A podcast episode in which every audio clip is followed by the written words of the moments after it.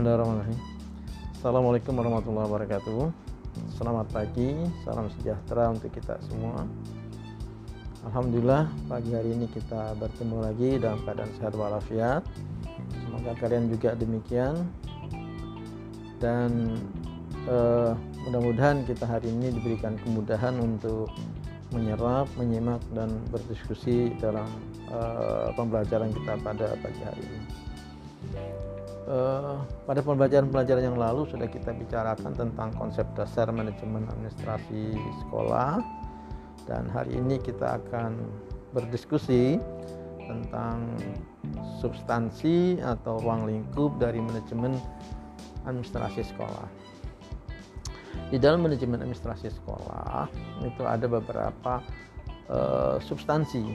Yang pertama adalah manajemen kurikulum, yang kedua adalah uh, manajemen peserta didik, yang ketiga adalah manajemen uh, pendidik dan tenaga kependidikan, yang keempat adalah manajemen sarana dan prasarana pendidikan, yang kelima adalah manajemen pembiayaan, yang keenam adalah hubungan sekolah dengan masyarakat, kemudian yang terakhir ada layanan khusus. Nah, mari kita uh, pelajari diri masing-masing komponen atau substansi tadi. Yang pertama tentang manajemen kurikulum, uh, bahwa kurikulum adalah merupakan seperangkat proses pembelajaran yang harus kita tempuh dan ini adalah menjadi tolok ukur lulusan output daripada proses pembelajaran kita. Nah, oleh karena itu kurikulum juga akhirnya nanti adalah kelulusan kita, outcome-nya itu harus bisa diterima dan dimanfaatkan oleh masyarakat, oleh stakeholder. Dalam hal ini uh, dalam dunia pendidikan, dunia usaha dan dunia uh, dunia industri ya, jadi DIDU. Jadi perguruan tinggi sekarang akan menjalin kerjasama dengan dunia usaha dan industri bagaimana lulusannya itu bisa dimanfaatkan, bisa dipakai, bisa berguna atau sesuai dengan kebutuhan dunia usaha dan dunia industri. Nah, oleh karena itu juga kurikulum harus fleksibel, mampu menyesuaikan dan keperluan, kebutuhan dan perkembangan terkini ya untuk nanti menjembati antara lulusan kita dengan masyarakat atau dengan uh, kebutuhan stakeholder. Oleh karena itu juga kurikulum harus bisa dievaluasi dalam waktu tertentu. Nah, yang kedua adalah peserta didik, manajemen peserta didik. Nah, bagaimana kita memanage ini? Peserta didik adalah komponen yang sangat vital, yang sangat penting di dalam suatu proses atau lembaga pendidikan. Ya, karena peserta didik adalah subjek dan juga objek dari pendidikan. Nah, oleh karena itu kita harus mampu memanage-nya, mampu mengelolanya, apa yang menjadi bakat, minat, dan kebutuhan daripada peserta didik kita. Ini harus kita penuhi, karena semua ini akan memberikan motivasi, memberikan uh, dorongan, semangat kepada uh, peserta didik untuk belajar dengan baik sesuai dengan arahan dan bimbingan dari pihak sekolah. nah, yang ketiga adalah pendidik dan tenaga kependidikan. Pendidik adalah orang yang meng, yang membimbing ya, membantu peserta didik mengarahkan bakat, minat yang dimiliki, potensi yang dimiliki oleh peserta didik. Ya.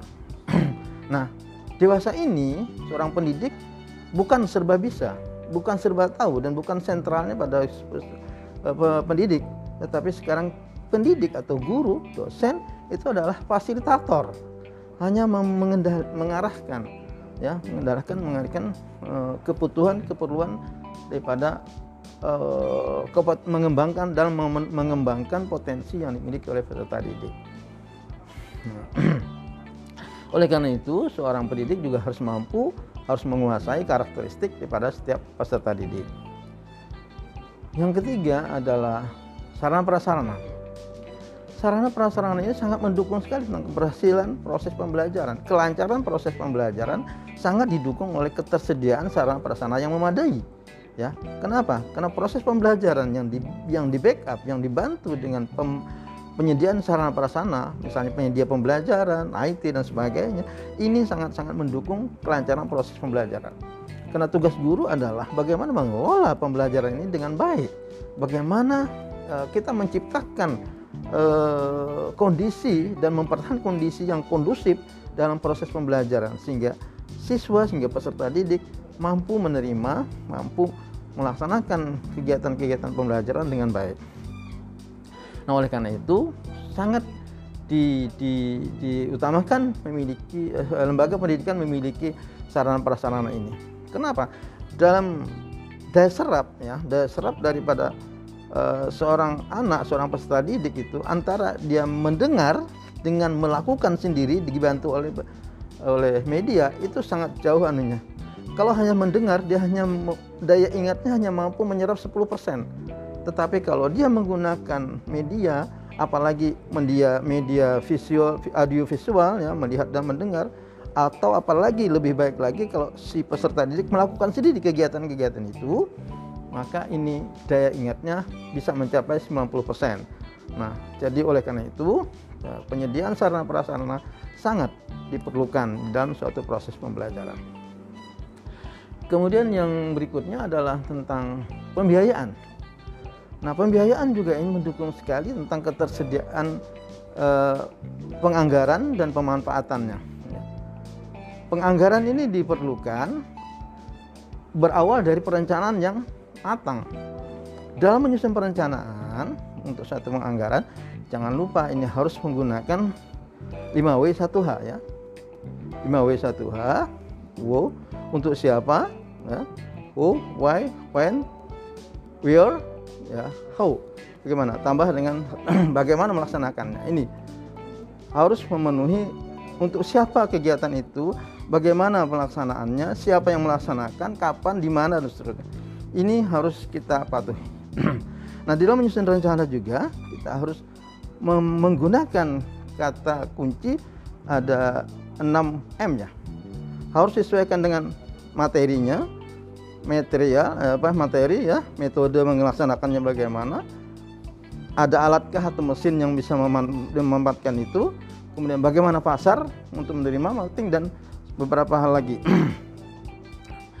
Itu untuk uh, pembiayaan. Nah, penganggaran pembiayaan. Nah, kemudian selanjutnya adalah tentang uh, hubungan sekolah masyarakat.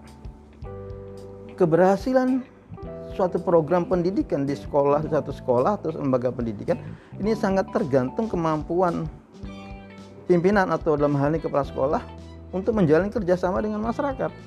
Kita suka tidak suka mau tidak mau ini harus melakukan kerjasama dengan masyarakat. Baik dari proses perencanaan, pelaksanaan dan evaluasinya. Program suatu sekolah tidak akan berjalan baik kalau masyarakat tidak bisa menerima, ya, dan masyarakat tidak tahu menau. Kenapa? Karena pendidikan berada di lingkungan masyarakat. Ya, masyarakat yang baik, pendidikan pasti akan baik. Nah, kenapa? Karena masyarakatnya, lingkungannya peduli. Nah, bagaimana menjalin kerjasama ini? Adalah melalui perwakilan-perwakilan orang tua murid paling tidak. Yang dalam ini adalah komite sekolah. Nah, ini harus dijalin dengan baik. Ya, kenapa? Karena hasil dari produk-produk pendidikan kita itu akan kembali ke masyarakat. Nah, masyarakat bisa tidak memakai hasil kita ini? Masyarakat bisa apa tidak memanfaatkan menggunakan lulusan-lulusan kita, ya? Nah, kalau tidak berhasil, kita gagal atau masyarakat yang memanfaatkan, maka orang tua, murid akan tidak akan menyekolahkan mendidik anaknya ke sekolah kita. Nah, oleh karena itu dalam menyusun perencanaan kebijakan program sekolah harus melibatkan masyarakat bagaimanapun. Termasuk pelaksanaannya harus disampaikan, diekspos disampaikan masyarakat ini loh proses kami melaksanakan gini-gini ini dan harus dievaluasi akhirnya. Nah, apakah kita mengevaluasi dari perencanaan itu sendiri, pembiayaannya, dan seterusnya. Ya. Nah, oleh karena itu hubungan kerjasama antara sekolah dan masyarakat mutlak diperlukan karena tidak mungkin sekolah pendidikan melepaskan diri dari lingkungan masyarakat ya tidak bisa kemudian ada layanan khusus satu terakhir nah setiap manusia punya kelebihan dan kekurangan. Adanya kekurangan fisik, mental, seterusnya. Maka ada satu kelompok manusia, makhluk Allah yang memiliki keterbatasan. Nah, oleh karena itu kita perlu melakukan menyiapkan menyediakan layanan khusus untuk mereka ini. baik bentuk fisiknya misalnya kita akses mereka kan mudah ya sistem pembelajarannya juga bagaimana sesuai keperluan mereka dengan pendidikan inklusinya itu ya jadi ini perlu sekali nah oleh karena itu eh, manajemen dalam pelayanan khusus ini perlu juga di samping itu juga bahwa setiap peserta didik itu memulai memiliki bakat minat masing-masing ini harus kita siapkan mereka pelayanan-pelayanan untuk mereka ini kita siapkan agar mereka berkembang sesuai dengan perkembangannya, sesuai dengan potensinya. Ya, apakah dia uh, berminat punya bakat bidang seni, ya, bidang olahraga, bidang akademis dan sebagainya. Ini harus kita fasilitasi untuk mengembangkan potensi yang mereka miliki. Nah, ini layanan. Samping itu, layanan untuk kesejahteraannya juga misalnya bentuk kantin, koperasi ini juga harus ada.